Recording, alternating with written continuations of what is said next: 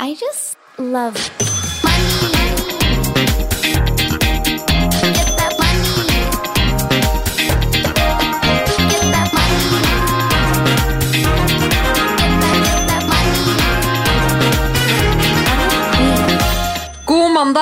velkommen til en ny episode av Karrierekvinner podcast. Jeg håper dere synes det var gøy å lære mer om eh, Equal Agency i forrige episode. Jobben vår er jo å hjelpe folk ut i livet som selvstendig næringsdrivende, og da syns jeg det er eh, viktig å dele litt fra begge sider av suksessen. Både solskinnshistoriene, men også skjæra i sjøen, for det har vært noen av de òg. Uansett, nå nærmer våren seg, og jeg kjenner i hvert fall at vinterdepresjonen forsvinner eh, sakte, men sikkert. Det er noe med det sollyset som gjør at jeg blir så mye mer motivert. Jeg får liksom ikke den samme effekten av en ringlight på skrivebordet, selv om det er en investering jeg anbefaler alle å gjøre. Uansett hvor umotivert og vinterdeppa du er, kommer dagens gjest til å dra deg ut i sol og håp, for hun er nemlig definisjonen av solstråle og karisma. Under denne episoden anbefaler jeg deg at du setter deg ned med en notatbok, en kopp kaffe, og at du virkelig lytter, spesielt om du har et ønske om å tjene penger på sosiale medier. Karoline Kvamme er nemlig ikke bare gründer av AdSales og manageren min, men hun har også ansvar for store profiler som bl.a. Isabel Rad, Martine Lunde og Sara Emilie. Hvordan er det egentlig å være mammaen til bortskjemte influensere, og hvordan kom hun inn i den bransjen her? Velkommen, Karoline! Hei, tusen takk. Hei, Veldig hyggelig å ha deg her. Jeg skjønner at det er første gang du gjester en podkast. Ja, det stemmer, så jeg er bitte litt svett i hendene, men eh, jeg regner med at det kommer til å gå greit. Du må bare se for deg at det er en helt vanlig samtale med meg. Det har, det har jo blitt noen av de de siste halvåret. Absolutt, og det, det, pleier å være hyggelig, så det ja, jeg, skal, jeg, skal ikke, jeg, skal ikke, grille deg i dag. Nei, nei, ja, det er bra. Men Hvordan har du det? Er det mye å gjøre om dagen? Eh, ja, det er ganske mye til at det er, eh, at det er februar. Så, men jeg tenker jo at eh, er det mye å gjøre, så er det bra for businessen, så jeg er glad for det. altså. Ja, ja, ja, absolutt. Men er det sånn at januar og februar er det noen flere måneder som liksom er litt sånn nedgangsmåneder i den bedriften du har? Ja, egentlig slutten av juni og juli. Da er det også stille, for da er det fellesferie. Så, ja, mm. Da tør ikke annonsørene å bruke penger? Det gjør de ikke, men så blir det litt sånn boom igjen da i slutten av august og utover høsten. Ikke sant. Men altså, eh, hva er din bakgrunn, og hvordan kom du opp med ideen AdSales? Min bakgrunn den er jo veldig enkelt og greit eh, ikke fra noen ting, holdt jeg på å si.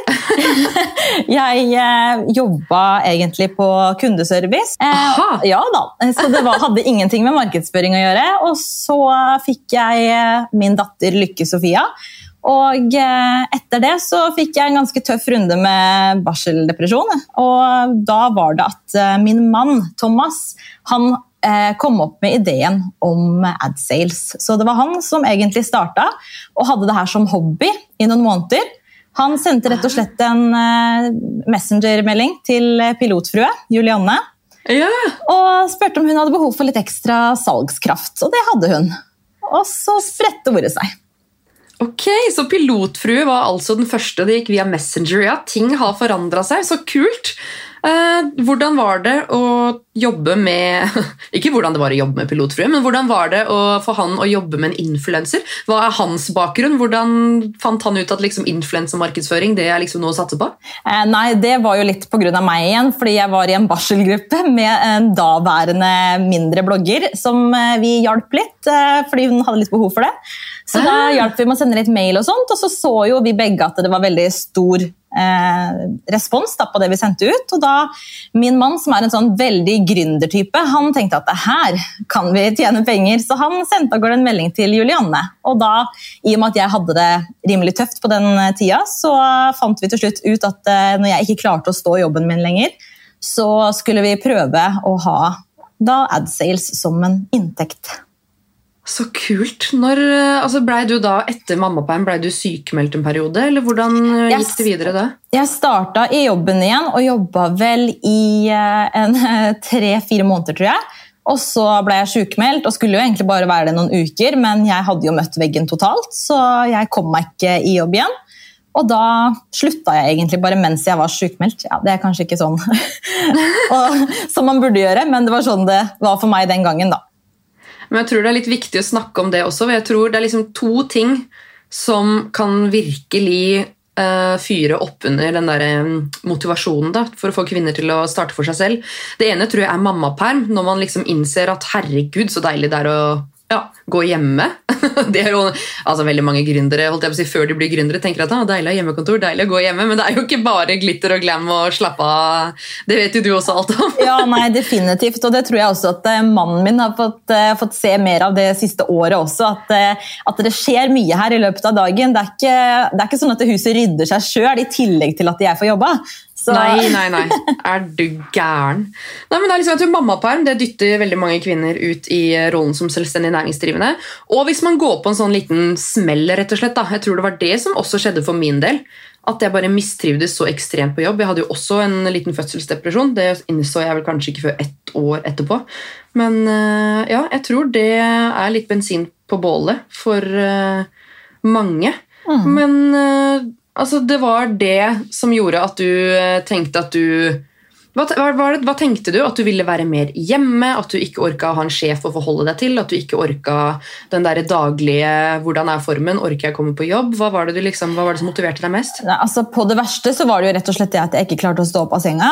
Eh, mm. så, men når jeg begynte å komme meg på beina igjen, så var det jo så tenkte vi jo veldig skal jeg gå og skaffe meg en annen jobb ved siden av, og funderte jo fælt på det, men så, så blei det egentlig til at vi fant ut at det, det, kom til å ta en stund før jeg var, hadde helse nok da, til å gjøre det. Så da måtte jeg bare mm. prøve å, å ta tak i den, det her som Thomas hadde hatt som hobby. da, eh, og prøve å gjøre det til min jobb, og det kan jeg være ærlig på at det har tatt ganske lang tid å liksom få den, det eierskapet til noe som han skapte, noe som var hans drøm.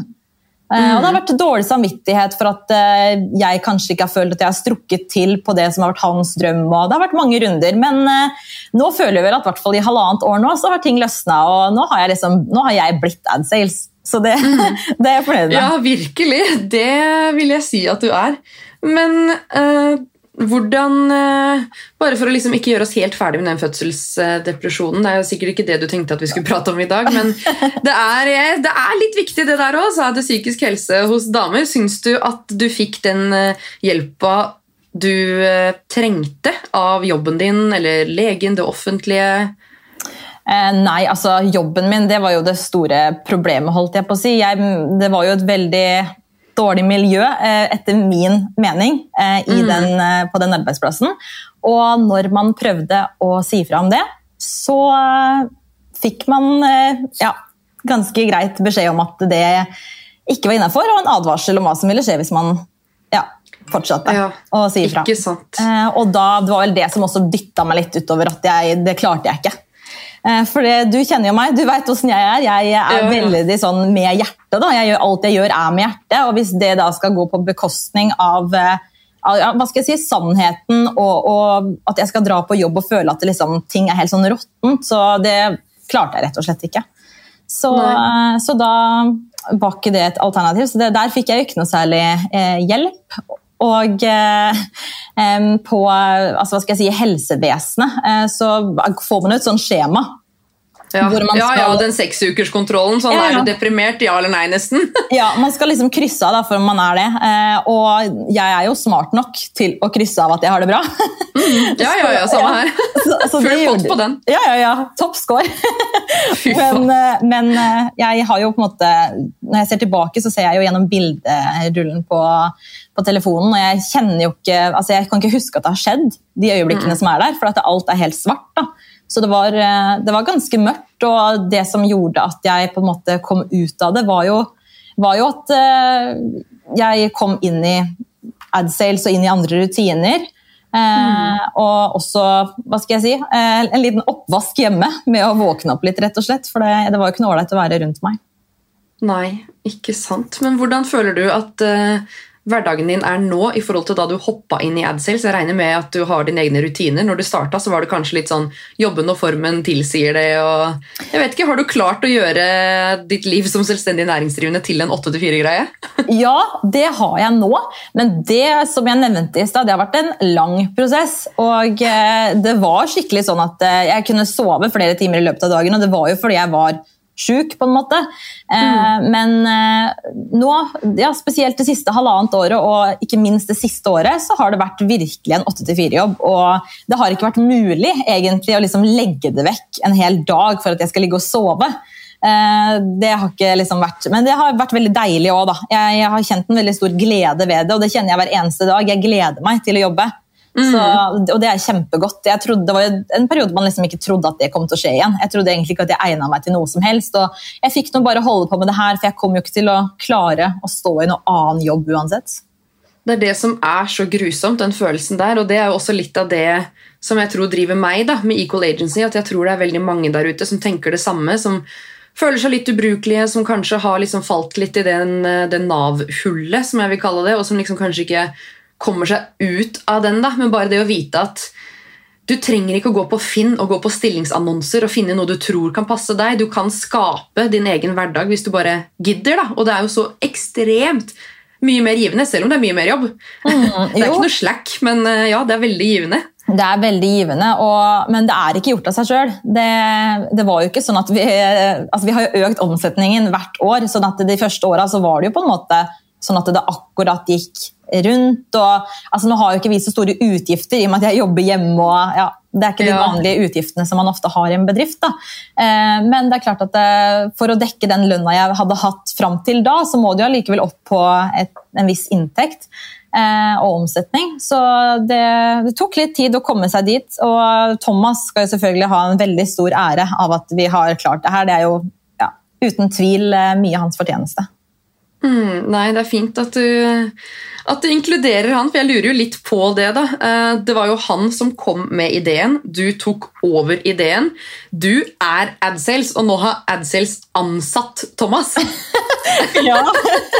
Han måtte jo nesten få lov å være med, han òg, da. Når var det han sa opp jobben sin? Du, vet du hva? Han sa til meg altså Det har jo vært en prosess, jeg har sett at han har vært lei, og sånne ting, men han, han sa til meg 21.12.2020 at han hadde skrevet en oppsigelse som han tenkte å sende inn. Og så spurte jeg ja, når da? Nei, han tenkte egentlig å gjøre det før jul. Og det var jo ikke så lange tida til, og da 23.12.2020 så sa han opp jobben. Herregud. Ja, nei, magisk. ja, magisk og litt sånn eh, magesug, egentlig. ja, men fordi Han hadde første arbeidsdag 1.2., eh, var det det? Sånn ordentlig? Ja, stemmer. Ja, wow. Hvordan har det gått? Det har jo ikke jobba altså, det har jo vært en pandemi. Jeg tror veldig mange i Norge har erfart hva det vil si å uh, på en måte jobbe med samboeren sin. I hvert fall jobbe i samme hus. Men hvordan har det gått med dere det pandemiåret som har vært? Går dere fortsatt overens? ja, det vil jeg absolutt si at vi gjør. Uh, det er jo egentlig det som har gjort også at vi har funnet ut at vi kan uh, gjøre det her, da. Mm. Eh, fordi at det har gått såpass bra å, å, jobbe, å, jobbe, sammen, eller på samme sted. Nå har vi jo to etasjer hjemme hos oss, sånn at vi er veldig heldige med at eh, han, eh, han sitter oppe og jeg sitter nede. Så går vi liksom ikke oppå hverandre hele tiden. Men nei, jeg syns det har funka veldig bra det året som har gått. så da, da var, altså, Det er vel den tingen jeg har vært minst redd for med det her. Hva er det du har vært mest redd for? Nei, det, det, er jo det med hva skal jeg si, at, å klare å få det til å gå rundt. Da. Eh, det er klart mm. at Thomas han har eh, nesten 15 år bak seg i bank, og han har jo en grei eh, inntekt. Ja. Og, så nå er det jo han som er den største utgiften i AdSales. så det å skulle liksom lønne, eh, lønne, han, det har vært en liten sånn bekymring om at vi, vi, er jo nødt til å komme på et visst eh, nivå på omsetninga. Da. Så, det hadde men, vært lett hvis det ikke var mannen din. Da kunne du bare sagt vær så god provisjon, men det er litt kjipt hvis liksom, provisjonen ikke går bra. Det går utover deg. Ja, det gidder jeg ikke. Så, men nei, vi har trua, altså. Det har vi. Ja, Dere er jo utrolig flinke, og uh, som jeg sa i første episode av Karrierekvinner-podkast her, så kommer vi også til å ta inn Camilla Sørensen, som er en kjærlighetsterapeut, som skal snakke litt om det å drive bedrift med ja, sin bedre halvdel. Så det blir spennende. Men altså, AdSales Hvordan påvirka denne pandemien AdSales og influensebransjen generelt? Nei, vi eh, tenkte jo når dette her kom, så tenkte vi ok, vi må bare permittere meg og det vi kan permittere, alt jeg på å si. Det var jo ikke så mye på det tidspunktet. Eh, men fordi vi trodde jo at det kom til å gå veldig dårlig. Vi, altså, når januar starta, så så det ut som vi kom til å få tidenes år, for vi hadde aldri hatt på en måte eh, den ordrereserven som vi hadde da. Men så kom korona, og vi permitterte meg og ei annen. Eh, og så, når det hadde gått en, ja, noen ukers tid, så så vi jo det at eh, det her snudde. Folk tok jo kontakt mm. som aldri før. Da vi har aldri hatt så stor pågang, og det løsna jo fullstendig. Så vi hadde jo vårt beste år noensinne i 2020. Eh, og det medførte jo da at vi kunne ansette Therese på salg, og at vi da nå ansatte Thomas. Så nei, 2020 var, var veldig bra for oss, da, selv om jeg ja, Det føles nesten fælt å si det. Jeg vet det, men det er altså, det er ikke ulovlig å si at den pandemien har vært bra for mange. Nei da. nei da. Det bare føles dere, sånn. ja, jeg vet. Men nå er dere fire stykker. Um, er det ikke det? Tre? Fire? Hoderegning. Nei, vi er eh, Vi er fire. Ja, det stemmer. Det ja, er, er ja, vi er tre ansatte, og så har vi med oss Kristin på frilans, eh, som egentlig skal jobbe mye med eventer og sånt, men det har jo ikke vi så mye av nå. Eh, men som da har gått inn og tatt en stor rolle på salg, hun også. Ikke sant? Herregud. Det er jo veldig gøy å skape noe, da! Ja, det er, det er kjempegøy, og det, jeg er veldig stolt av det. Absolutt. Så vi ser jo det spirer og gror, og nei, det er veldig morsomt. Nei, Det er deilig. Jeg tror den pandemien som sagt har vært veldig bra for mange. Spesielt, altså Jeg merker jo det selv også i ja, uh, influensebransjene. At uh, det var jo uh, skummelt for hele landet når den lockdown og sånn kom i mars. Men grunnen til at bedriftene snudde, kan jo gå litt inn på det òg. Det er jo fordi at folk var tvunget til å være i Norge. Så alle pengene som folk skulle bruke på ferier, de eh, ble jo brukt på andre ting som da bedriftene ja, trengte markedsføring for. Jeg vet jo i hvert fall at eh, bygg og interiør og planter og alt sånt, det har jo gått helt ekstremt bra i år. Eh, men eh, nei, jeg tror eh, pandemien det er enten en blessing eller en curse. Men det er godt å høre at det har gått bra for dere òg. Ja, det har jo det. Og jeg tror også at når, altså når det, selve lockdown kom, så var det jo altså Folk turte jo nesten ikke å dra på butikker engang. Så det er klart at netthandel det fikk jo også da en enda større rolle, og da er det vi driver aller mest med. Så det var jo som en konsekvens av at eh, ja, folk var litt redde, egentlig. Og det er jo helt forferdelig, men eh, veldig bra for oss, da. Er dere sånn at dere liksom jubler litt når det kommer en ny restriksjoner og ny lockdown? ja, da spretter vi champagnen. nei, uff. Det, nei, vet du hva, så, sånn helt det er ikke så ille? Nei da, og sånn helt personlig så er jeg jo så lei nå at eh, Ja, nei, uff a meg. Ja, jeg òg. Liksom, hadde ikke den altså De solstrålene som har vært nå om dagen, hadde ikke de titta inn vinduet, så hadde jeg gått i en dyp depresjon, tror jeg. altså. Ja, og det nå tror jeg gjelder kjempemange. Ja. Jeg bare tenker på alle de som sitter ensomme, og nei, fytti rakkeren, det er grusomt. Nei, det er veldig sant. Så jeg er glad for at jeg har familien min her, så klart. Men eh, ja, jeg kan ikke si at jeg gruer meg til den dagen vi kan dra ut og ta en liten fest heller. Å nei, det blir deilig. Men uh, 2020 hvor mange profiler har dere nå? Signerte dere ekstra mange i 2020 i forhold til andre år? Har dere liksom turt å satse på enda flere, eller har dere holdt det trygt og godt under pandemien? Eh, vi har vel kanskje altså, tatt inn noen flere, men det går jo mer på det at vi at, eh, jeg, altså, mot slutten av året ansatte Therese, og eh, at vi hadde planer om eh, at Thomas skulle inn. Eh, men ja, så ser man jo at man har fått økt kapasitet, så da, da har man muligheten til det. Men vi har jo alltid vært veldig opptatt av og det er vi fortsatt, at vi kan ikke signere flere profiler hvis det ikke er nok kapasitet. Da, fordi da vil vi jo ende opp med masse influensere som er ikke fornøyde i det hele tatt. Ja, og, og det vil jo være dårlig reklame for oss. Absolutt, men hvor mange er det dere har nå? det er altså 15-ish. Eh, eh, men eh, vi har f.eks. Beauty Cult. Det er jo flere personer i én profil. Mm. Ja. Så det er sånn 15-ish, og så er det jo noen som vi på en måte har på en sånn fast kontrakt, mens andre er mer sånn som er sporadiske samarbeid. da. Ja. Mm. Uh, hva er det dere ser etter i en influenser når dere skal signere nye? Hvem er det som liksom fanger din oppmerksomhet? Nei, jeg tror at det har blitt enda altså, viktigere og viktigere med at man kan, kan skape eh, godt content. Da. At man er litt kreativ, eller altså, i hvert fall man ser at det er et menneske som er motivert til å skape noe, til å vise noe, at man har en passion. Eh, og så kommer det jo til det personlige. Eh, vi er såpass små at vi, vi, har hjertet med oss. og vi har, Det er jo en liten familiebedrift, så mm. det, vi er veldig avhengig av at vi har en god kjemi da, med de vi skal jobbe med. Så eh, det er vel det aller viktigste. at Hvis jeg kjenner at det er noe som ikke er, jeg er helt trygg på eller vet at stemmer helt, så kan vi heller takke nei og si at vi kan se ved en annen anledning. da. Får dere veldig mange forespørsler fra influensere som har lyst til å bli signa? Ja, altså, vi får jo fra noen eh, større, og så får vi fra veldig mange litt mindre. Ja, ja. Men hva, hva, hva, skal til for å liksom komme gjennom nåløyet? Sånn, en ting er jo godt content, men hva er altså sånn veldig spesifikt? da, vi har, Det renner jo inn spørsmål hver gang Karoline Kvamme skal uh, ut i bresjen gjennom Equal. så renner det inn spørsmål, Men veldig konkret uh, hva slags type personlighet eller tema eller altså, Hva er det som du tror er viktig nå for 2021? Hva tror du er trenden nå? Hva slags influense trenger Norge nå? Mm, det som vi ser at er trenden, er jo det med å være ekte, være genuin. Uh, at man skal se at ikke alt er helt perfekt. Eh, med det sagt så er det jo sånn at eh, spesielt Instagram skal jo være noe som man drømmer seg litt bort i. Det skal være inspirerende.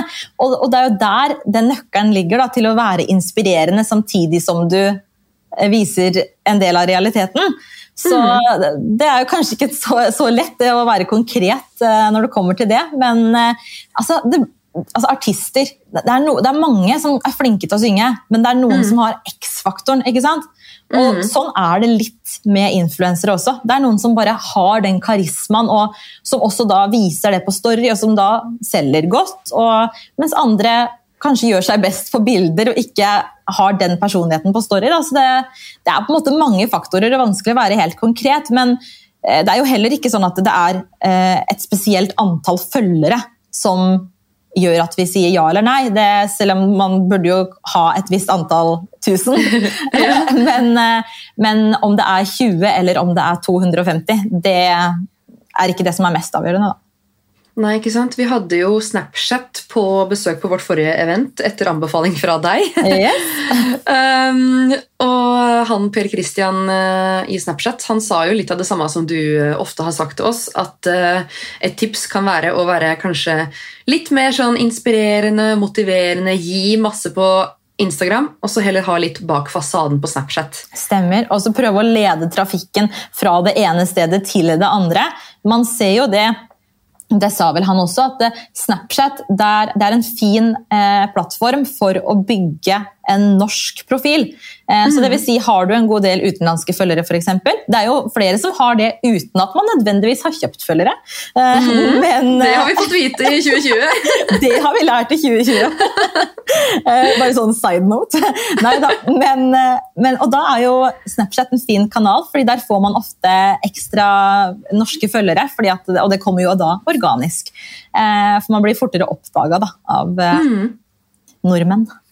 Ja, det er kult. Jeg fikk jo eh, stjerne på Snapchat i dag! Grattis! Takk.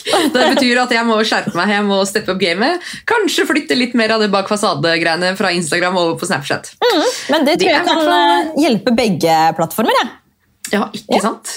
Men uh, du var jo litt inne på det her med å um, kjøpe følgere. Um, hva skjer bak kulissene til AdSales når en av profilene deres står i en sånn type mediestorm som ja, både Sara Emilie, Monica Nyhus og Isabel Rad har gjort nå i 2020? Jeg har lyst til å være tøff og si at da setter vi oss ved et møtebord, og advokaten vår sitter der, og det er skikkelig sånn uh, hardcore stemning. Men uh, det som skjer, er jo at uh, jeg gråter, og jeg, jeg har det kjempevondt, og vi har mange fine og vonde samtaler. og prøver egentlig å nøste opp i hva som er årsaken til at det skjer. Og så må jo altså Hvis det er profilen vår som har på en måte stilt seg i en sånn situasjon selv, så må jo den eh, nøste opp i det her litt selv også. Men f.eks. det der med kjøpe-følgere-opplegget, så var jo det var jo bare en veldig veldig vond eh, sak. Det var jo, mm. altså, så Det var løgn. Ja, rett og slett. Det er jo ingenting, altså, vedkommende har jo ingen bevis eh, for det. Og det er jo på en måte det som ble enden på visa i forhold, forbindelse med advokat også. At advokat sier at hvis han skal eh, fortsette med, disse, med denne ryktespredningen, så må han be, fremlegge bevis da, for det. Eh, men eh, han har jo ingen bevis, så det blir jo vanskelig. Men er det satt en strek i den saken her nå, eller er det fortsatt noen pågående advokatgreier bak kulissene? Jeg tror at vi eh, tenker vel som så at eh, han har ikke rett, og eh, å gi han oppmerksomhet på det, det blir egentlig bare feil. Mm. Eh, det, er, det er ikke noe vits å så nære det der noe mer. Han kan få holde på hvis det er det som gir han glede. Så er det bare å kjøre på. Vi har en litt annen filosofi her i Addisales og de profilene det gjelder. Vi prøver heller å møte andre med et åpent sinn og lytte og, og ja, vise dem eh, et smil. Da. Kill, kill them with kindness? Kill them with kindness. Nei da, vet du hva. Eh, hvis det noensinne hadde blitt sånn at jeg skulle ha møtt disse personene eller denne personen, så tenker jeg at vet du hva, da hadde vi fått satt oss ned og prate om det, så kanskje vi hadde funnet ut av det. Mm. Kanskje det. Ja, men Jeg tror det er veldig lurt, men du ser jo også eh, Jeg vet jo det selv at det var en veldig trend før eh, å skape debatter og kaste seg på alle andre sine meninger. og jeg har jo også vært en veldig, altså Det er vel sikkert journalisten i meg som er veldig sånn skrike høyt når noe er urettferdig og noe jeg er uenig i. Ja. Eh, gått litt bort ifra det nå, for jeg orker ikke de der stormene som kommer tilbake igjen. Jeg må innrømme det. Og litt sånn som Kristin Gjelsvik sa på siste eventet vårt, at alle trenger ikke å skrike høyt i sosiale medier, da blir det bare støy. Um, men eh, ta et eh, eksempel. Da har kommet inn noen spørsmål her. Um, gir dere noen råd til influenserne når de står i disse mediestormene? F.eks. hva med når Isabel var i Dubai? Uh, ga du noen konkrete råd da, eller er det litt sånn opp til de selv? Um, nå er det jo sånn at uh, i AdSales så har ikke vi tatt på oss noen rolle om å eh, si hva influenserne våre må gjøre. Eller at nei, sånt skal du ikke legge ut, det kan du ikke gjøre. Sånn er det ikke. Det, er, altså, det kunne vi gjort, men det inngår ikke i vår filosofi og vår visjon. Eh, så det er på en måte ikke et alternativ.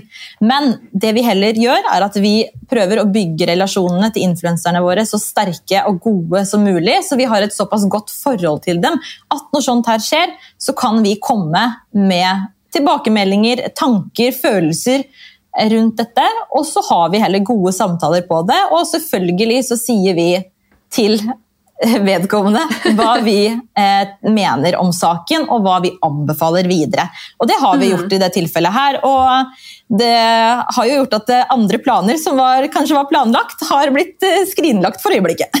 Ja, ikke sant. Ja. Men det er jo litt sånt som skjer, da. Ta litt konsekvenser av handlinger og sånt. Men, men tilbake litt på det, hvordan dere jobber med influenserne. Um, nå har jo jeg vært litt bak kulissene her siden jeg er signert, men for alle andre, hvordan jobber dere med profilene? Det er jo veldig forskjell fra management til management. Noen er jo veldig på det her med rådgivning, noen har eksklusive avtaler, at du får ikke lov til å samarbeide med noen andre.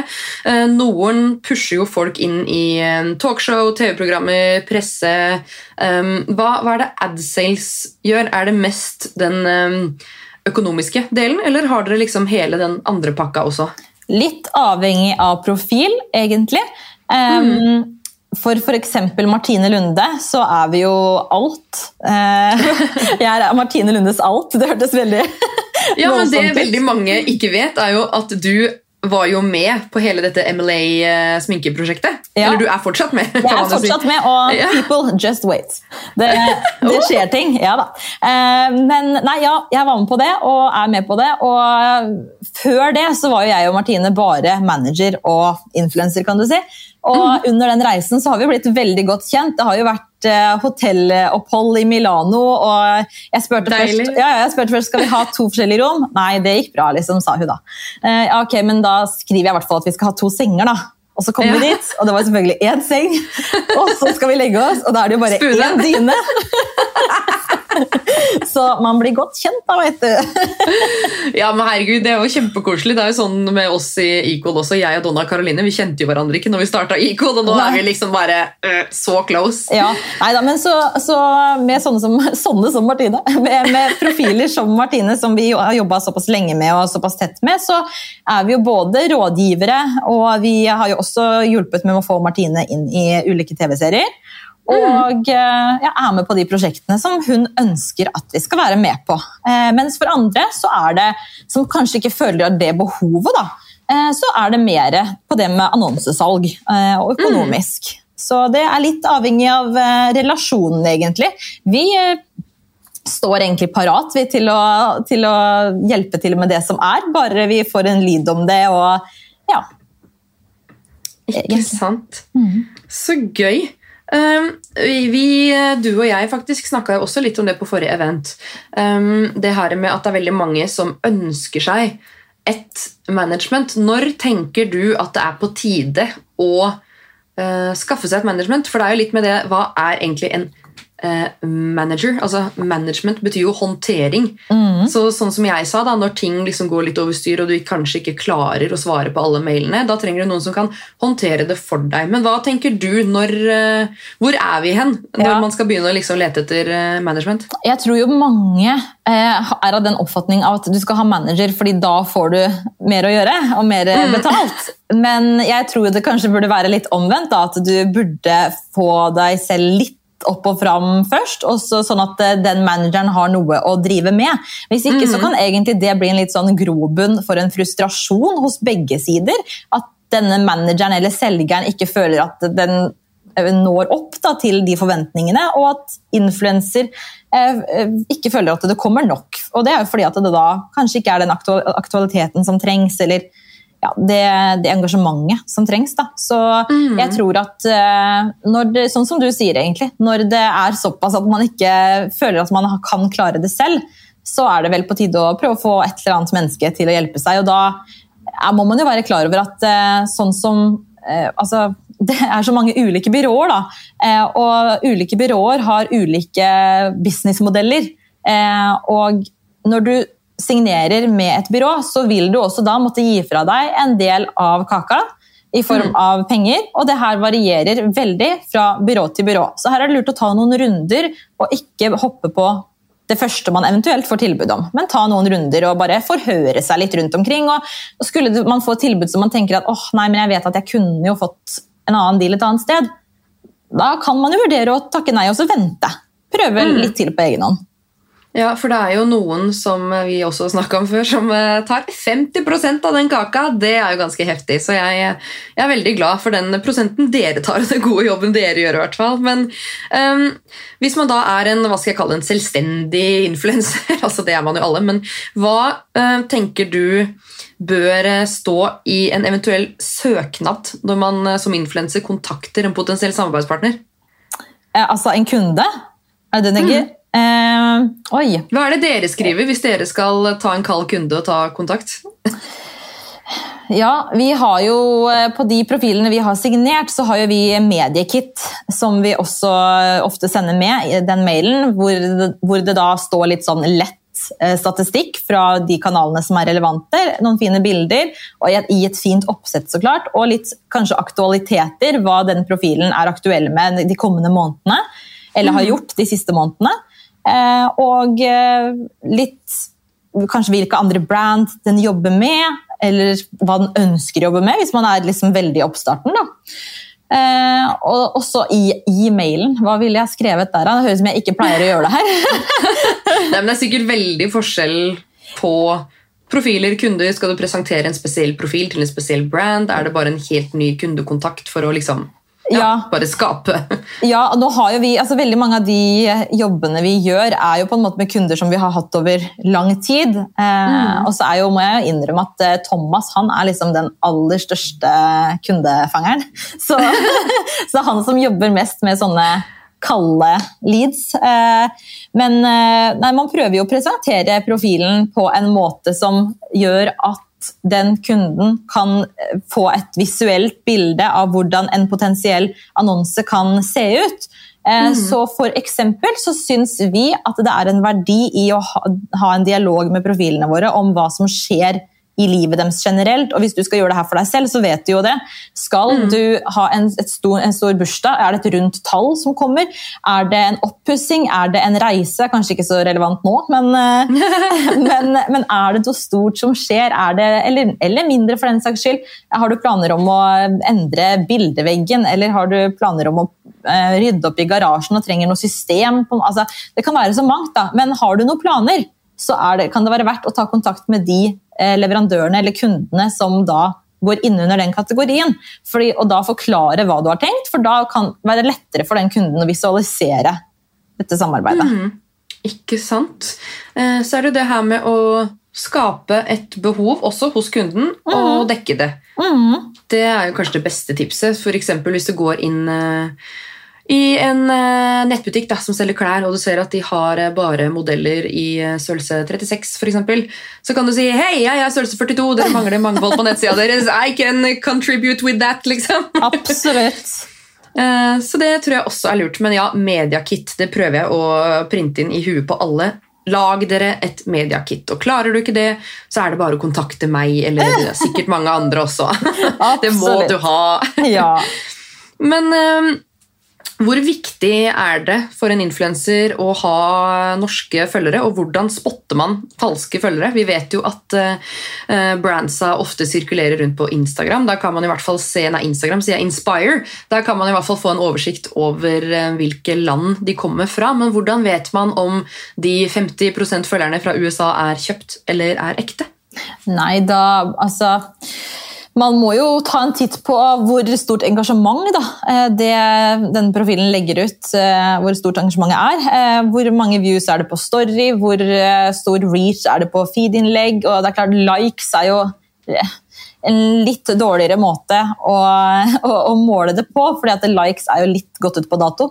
ja, jeg glemmer å like, jeg må innrømme det. Ja, ja, men det er mange som gjør det, så det er ikke den beste metoden. Og det hjelper ikke da, hvis man ser noen på Instagram som har mange eh, følgere, og så ser man å, den hadde bare så mange likes, så er ikke det det nødvendigvis ikke, betyr ikke at det, at det, er kjøpte følgere for det.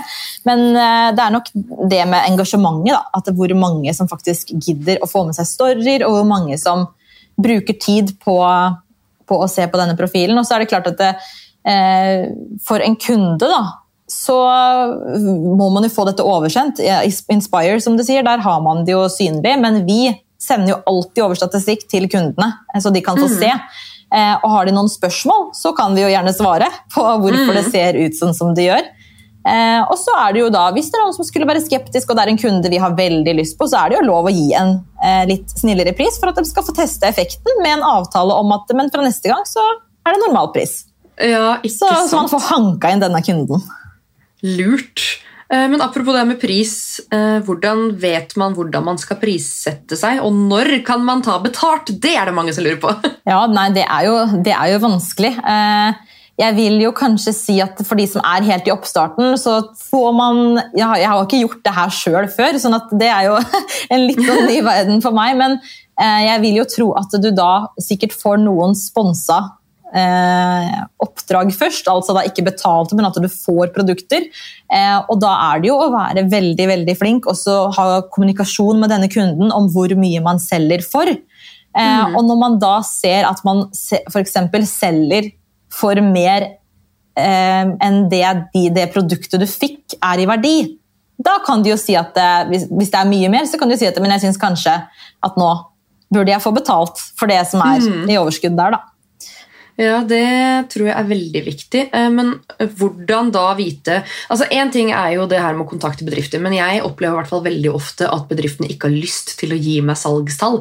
Da tar jo det, i hvert fall hvis jeg blir booka uh, ofte etter hverandre, så blir jeg litt sånn Det må jo være en grunn til at dere har lyst til å booke meg så mye. Hvorfor vil dere ikke gi meg tallene? De må jo være ganske høye, tenker jeg i hvert fall da. Mm, ja.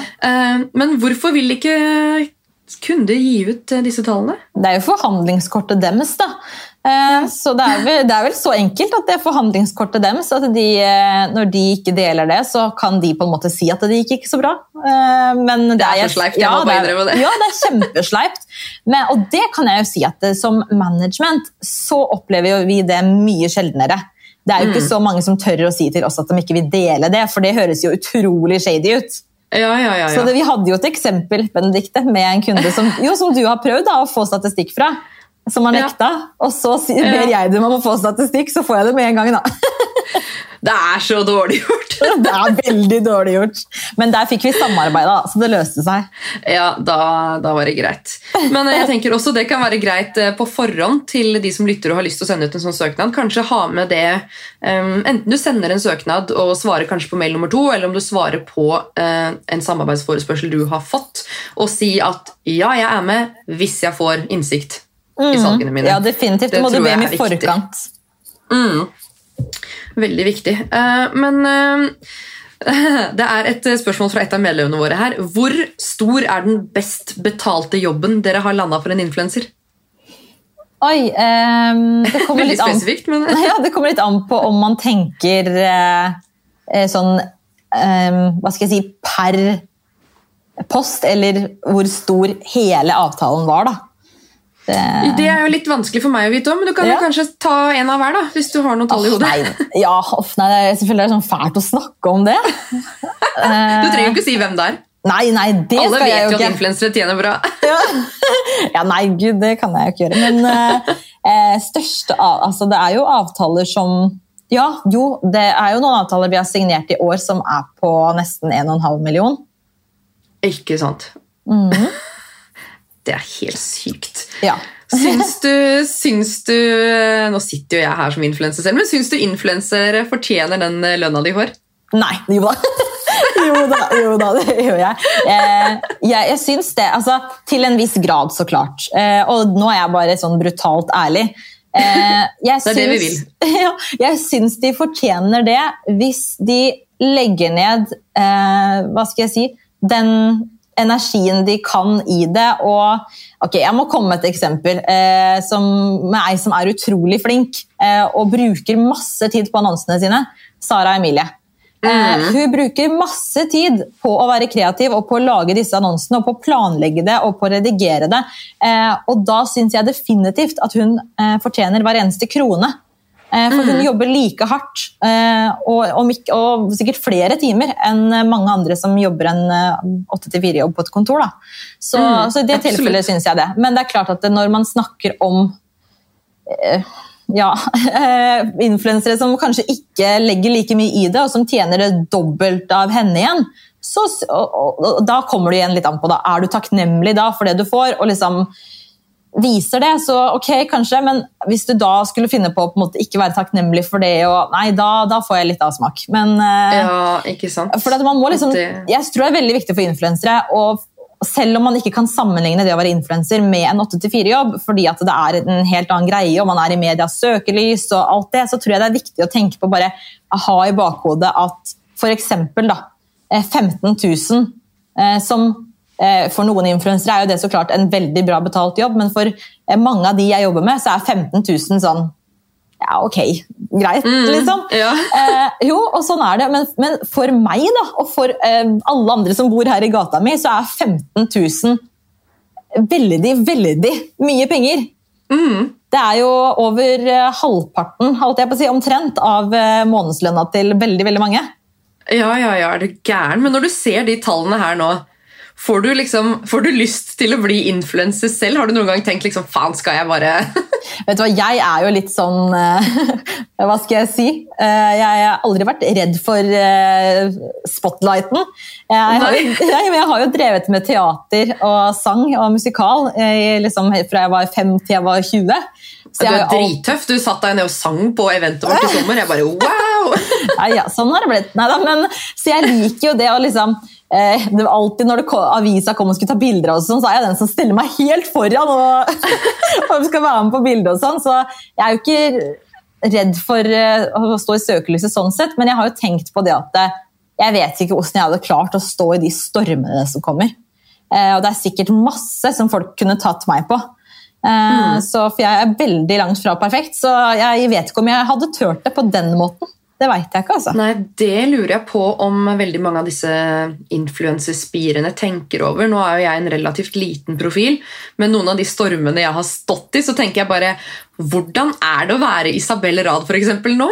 Mm. Ja, nei, det... Altså, det må jo være, Mennesker er jo grusomme, og du er jo dobbeltmoralsk med en gang du bare gjør en bitte liten feil. eller altså sånn som også da Kristin Gjelsvik sa, Hun lever jo en vegansk livsstil.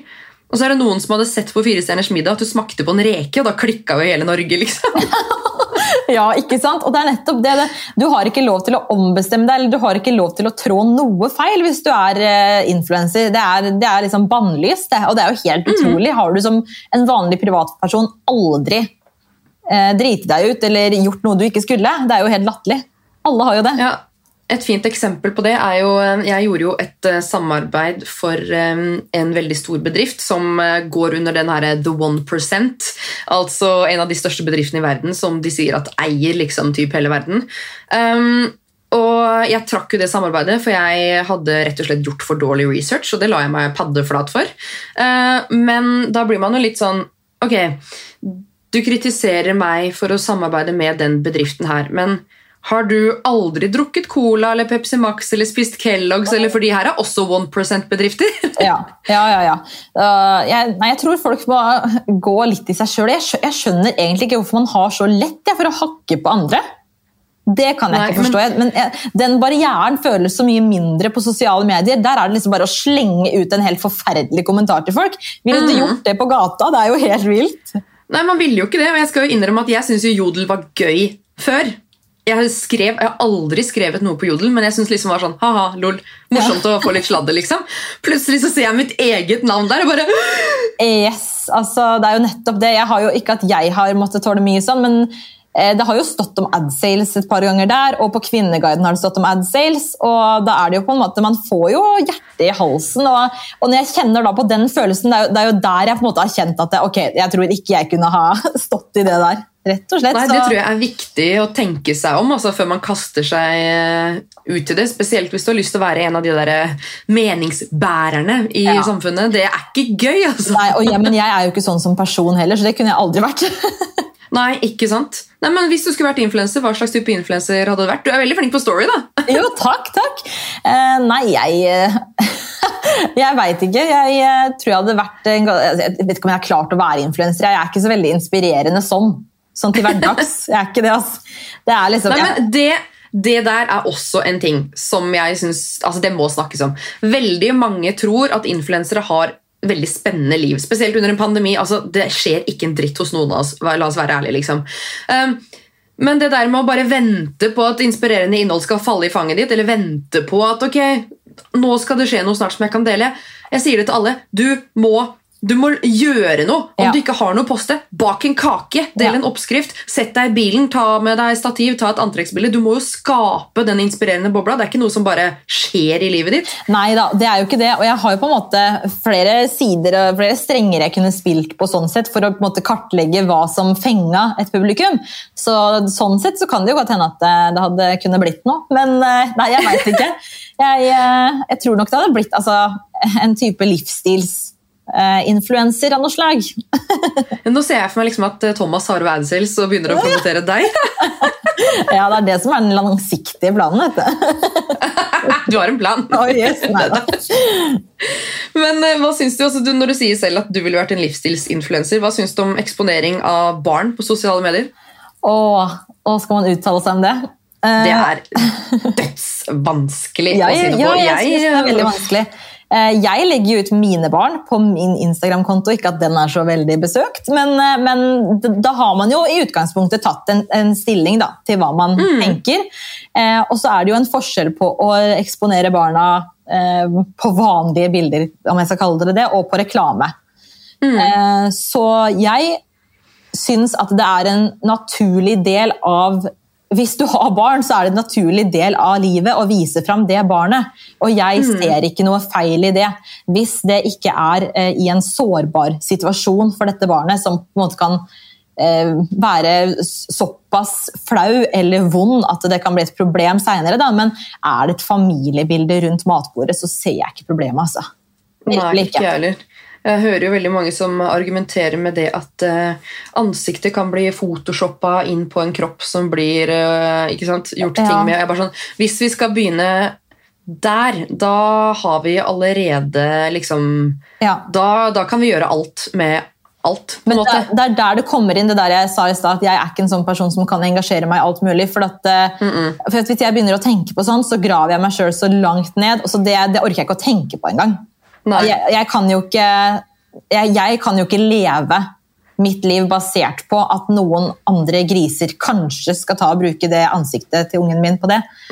det må man jo, hvis det skulle skjedd, så måtte man jo stått i den situasjonen da, tenker jeg. Mm. Ja, ikke sant. Uh, men det er jo også en ting, det at man ikke kan involvere seg i uh, hva skal jeg si, alle saker og sånt.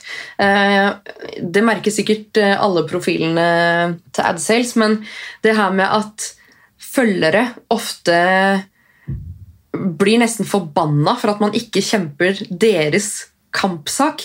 Jeg tror ikke, altså Det er veldig mange følgere som sikkert um, tenker at hvis de sender en melding til en influenser, så er jeg den eneste som har skrevet det her. Men sånn er det jo ikke. Man blir jo bomba med meldinger. Um, og det her med å velge seg en kampsak, det er vanskelig. Og hvis man ikke tar noe politisk standpunkt i sosiale medier, da er man liksom, da er man enda dårligere forbilde. Og hvis man gjør det, nei, da er det helt krise. Altså, jeg, jeg skal jo også intervjue Eirin Kristiansen, som er liksom en av de jeg ser mest opp til når det kommer til den visuelle uh, Instagram-profilen. Um, men hvordan kan man liksom klare å smyge seg gjennom liksom, å komme seg holdt jeg på å si, topplista? Det er ikke noe som heter toppliste lenger, men uten å tråkke feil, komme i en storm. Altså, har du noen tips til det? Da må, da må du jo bare være dritflink visuelt. da. Jeg tror du må hete Martine Lunde. ja. nei, altså, hun er jo et sånn eksempel på en som liksom har ikke stått i noen sånne type stormer. Nei, det er faktisk sant. Det har jeg ikke tenkt på. Ja, nei, hun er jo helt perfekt å jobbe med, sånn sett. Er veldig deilig. At Du slipper de der strenge telefonsamtalene. ja, ja, man er streng på litt andre ting, da. Men, nei, Ja. men, nei, men er akkurat på det, på det der så har hun veldig sånn, altså klart Når jeg og Martine snakker sammen, så har jo begge vi to meninger, men hun har ikke et sånt behov for å dele det med eh, hele Norge. da. Eh, og jeg syns faktisk at det står litt respekt i det også. Og, og, ikke, å velge å ikke gjøre det. og at den, altså, hvis du har lyst til å se på den type innhold, da kan du gå på den Instagram-kanalen, eller den eller den eller den. Men her på min kanal så er det et annet fokus. Det er fokus på eh, ting som får deg til å slappe av, eller ting som får deg til å kose deg. Og det, det er faktisk greit. Ja, det er absolutt eh, lov. Du kjøper jo ikke et interiørmagasin for å bli provosert eller for å engasjere deg i Nei, så eh, hvorfor... ja, kvinnekamp. Eller Nei, ikke sant? Så hvorfor skal du forvente at den som eier den kontoen, skal uttale seg om hver eneste sak som står i media? da? Det går jo ikke. Nei, Det var jo en liten periode hvor du følte at du liksom nesten måtte for å komme noen vei som influenser. At ok, hvis ikke du sier noe om det her, så Altså At du måtte da krangle med folk nesten for å vokse, det er jo helt grusomt. Så jeg kjenner at jeg bare Jeg, jeg er i hvert fall veldig ferdig med det nå i 2021. Ja. All sånn bad energy, ha det bra. Ja, nei, jeg tror at Hvis du har lyst til å vokse uten å provosere, så må du rett og slett gå helt i andre, andre enden av skalaen. Da, med litt sånn som vi var inne på i stad, kill them with kindness. Altså, da må du eh, si, kanskje ta kontakt med noen andre influensere. Når det er mulig å dra på eventer, så drar man på eventer og blir kjent. Kanskje skulle vi ha laget eh, noe innhold sammen, så poster vi om hverandre eh, på sosiale medier. Og så blir man oppdaga av flere. altså At man heller prøver seg på den måten. da. Eh, Det vil jeg jo heller anbefale da, hvis man ikke ønsker den provoserende versjonen. Ja, jeg tror vi er et lite eh, skifte der, også med tanke på pandemien. At vi er litt ferdig med det perfekte. Nå vil vi liksom ja, ha litt mer humor, og det er lov å liksom det er lov å se litt jævlig ut, det setter jeg pris på. da. Ja, sjæl. Men eh, hvis man skal liksom avslutte litt med et sånn bedriftsperspektiv, da, hva er det bedriftene bør tenke på når det kommer til influensermarkedsføring og finne influensere? tenker du? Mm, jeg syns jo at de bør tenke på eh, altså Det høres ut som en selvfølge, men at man tenker på eh, altså hvilken profil som eh, hva, slags følgere den profilen har. Da, om det er den målgruppa som de er ute etter. Igjen, det høres ut som en selvfølge, men av og til når jeg ser kampanjer, så føles det ikke helt sånn. At, eh, som at eh, den kunden har eh, tenkt det. Men også se på om det er en profil som er altså, Når det kommer til det kreative, da, om det, matcher den, de tankene de har. Noen ønsker jo det veldig kreative, mens andre ønsker kanskje en litt mer sånn hverdagslig approach. Eh, så, og så er det jo klart det at man må se på hva skal jeg si, man må klare å forhandle fram gode avtaler i forhold til priser og eh, langsiktighet. Jeg tror at langsiktighet er viktig for at kunder tenker på at det kan ikke være, man kan ikke forvente at på et engangsstunt så får man eh, det resultatet man ønsker. Noen ganger så skjer det. Eh, da er man kjempeheldig. Men stort sett så er det sånn at vi, vi, mennesker i dag blir eksponert for så sykt mye reklame på telefonen og på mm, PC, og, altså gjennom en skjerm, da, at mm. uh, hva de sier, at man må ha i gjennomsnitt 13 eksponeringer av et merke før man er klar for å kjøpe. Ja, ikke sant. Wow, det er ganske, det er ganske heftig.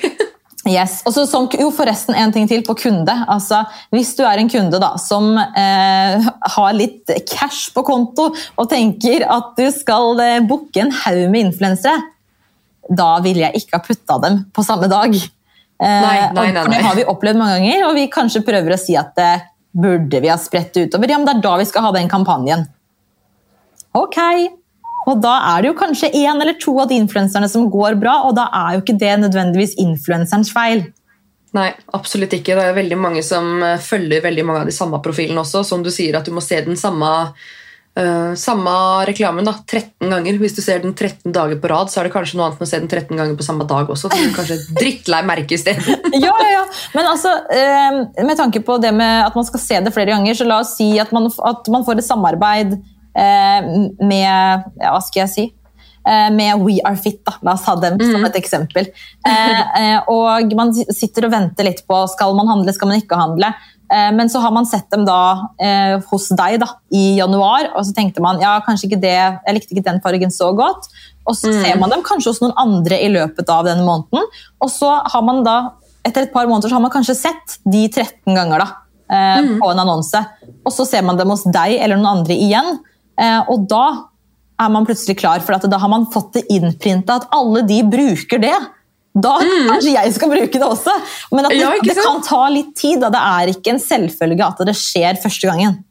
Nei, og Da er det jo også litt tilfeldig hvem som får det holdt jeg på å si, salget registrert på seg. da. Det er det. Hvis man eh, bruker så... flere influensere, så er det, det er en ting man faktisk må tenke på. Mm, ja, Det synes jeg også er veldig viktig, for det er jo veldig mange, man, veldig mange ganger man gjør eh, veldig mange Eh, samarbeid, eller veldig hva skal jeg si, eh, hyppige samarbeid da, for et brand som er stort, som har liksom 200 influensere.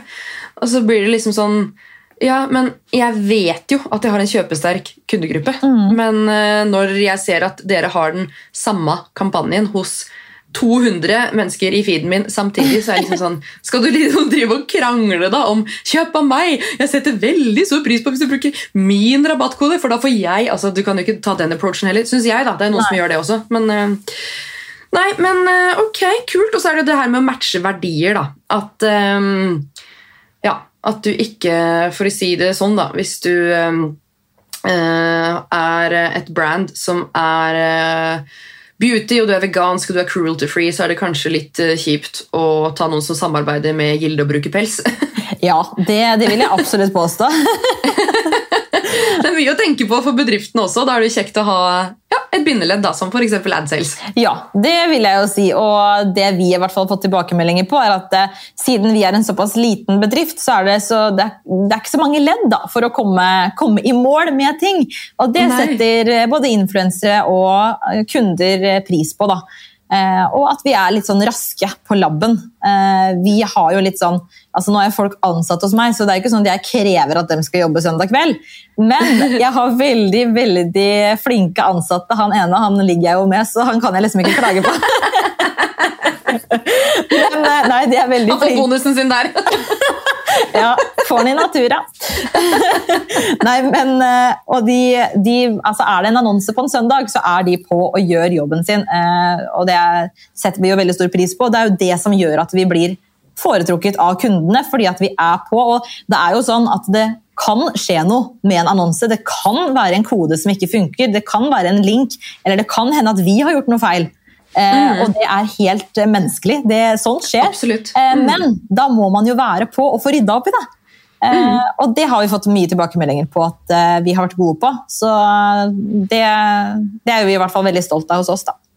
Ja, men dere er veldig flinke. Jeg tror ikke en sånn type bedrift kan ha bare 8 til 4, selv om vi snakka litt om det tidligere i dag. Ja. Man kan ta liksom den backoffice-delen 8 til 4, og så må man likevel være litt på ballen sånn døgnet rundt. Ja da, og så tror jeg at de som jobber hos eh, meg, det er jo som sagt litt annerledes. eh, eh, Og det å jobbe i et influensebyrå er litt annerledes, for at det krever jo ikke at du må hver eneste dag sitte ved pulten din hele tiden. Men mange dager så er det sånn, for spesielt for meg, da, siden jeg driver med det administrative.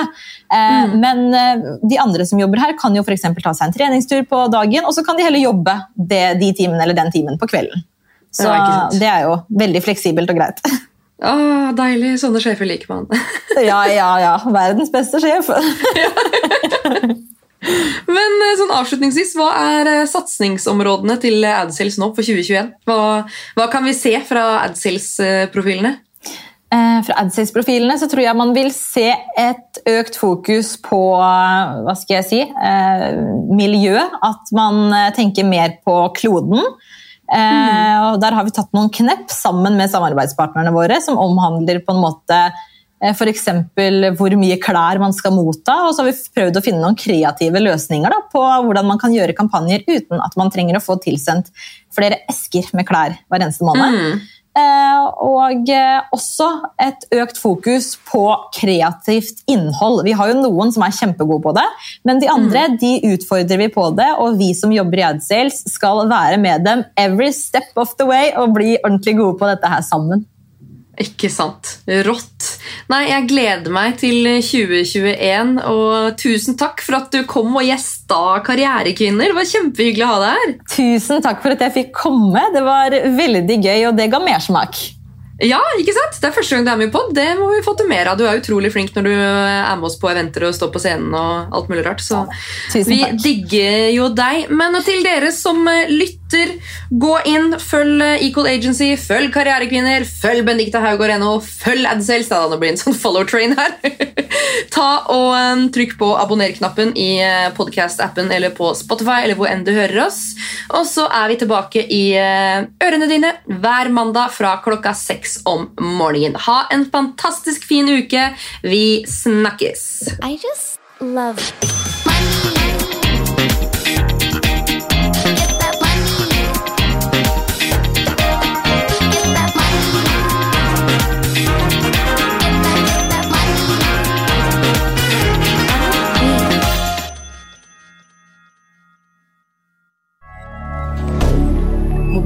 Get that Har du et enkeltpersonforetak eller en liten bedrift? Da er du sikkert lei av å høre meg snakke om hvor enkelt det er med kvitteringer og bilag i fiken, så vi eh, gir oss her, vi.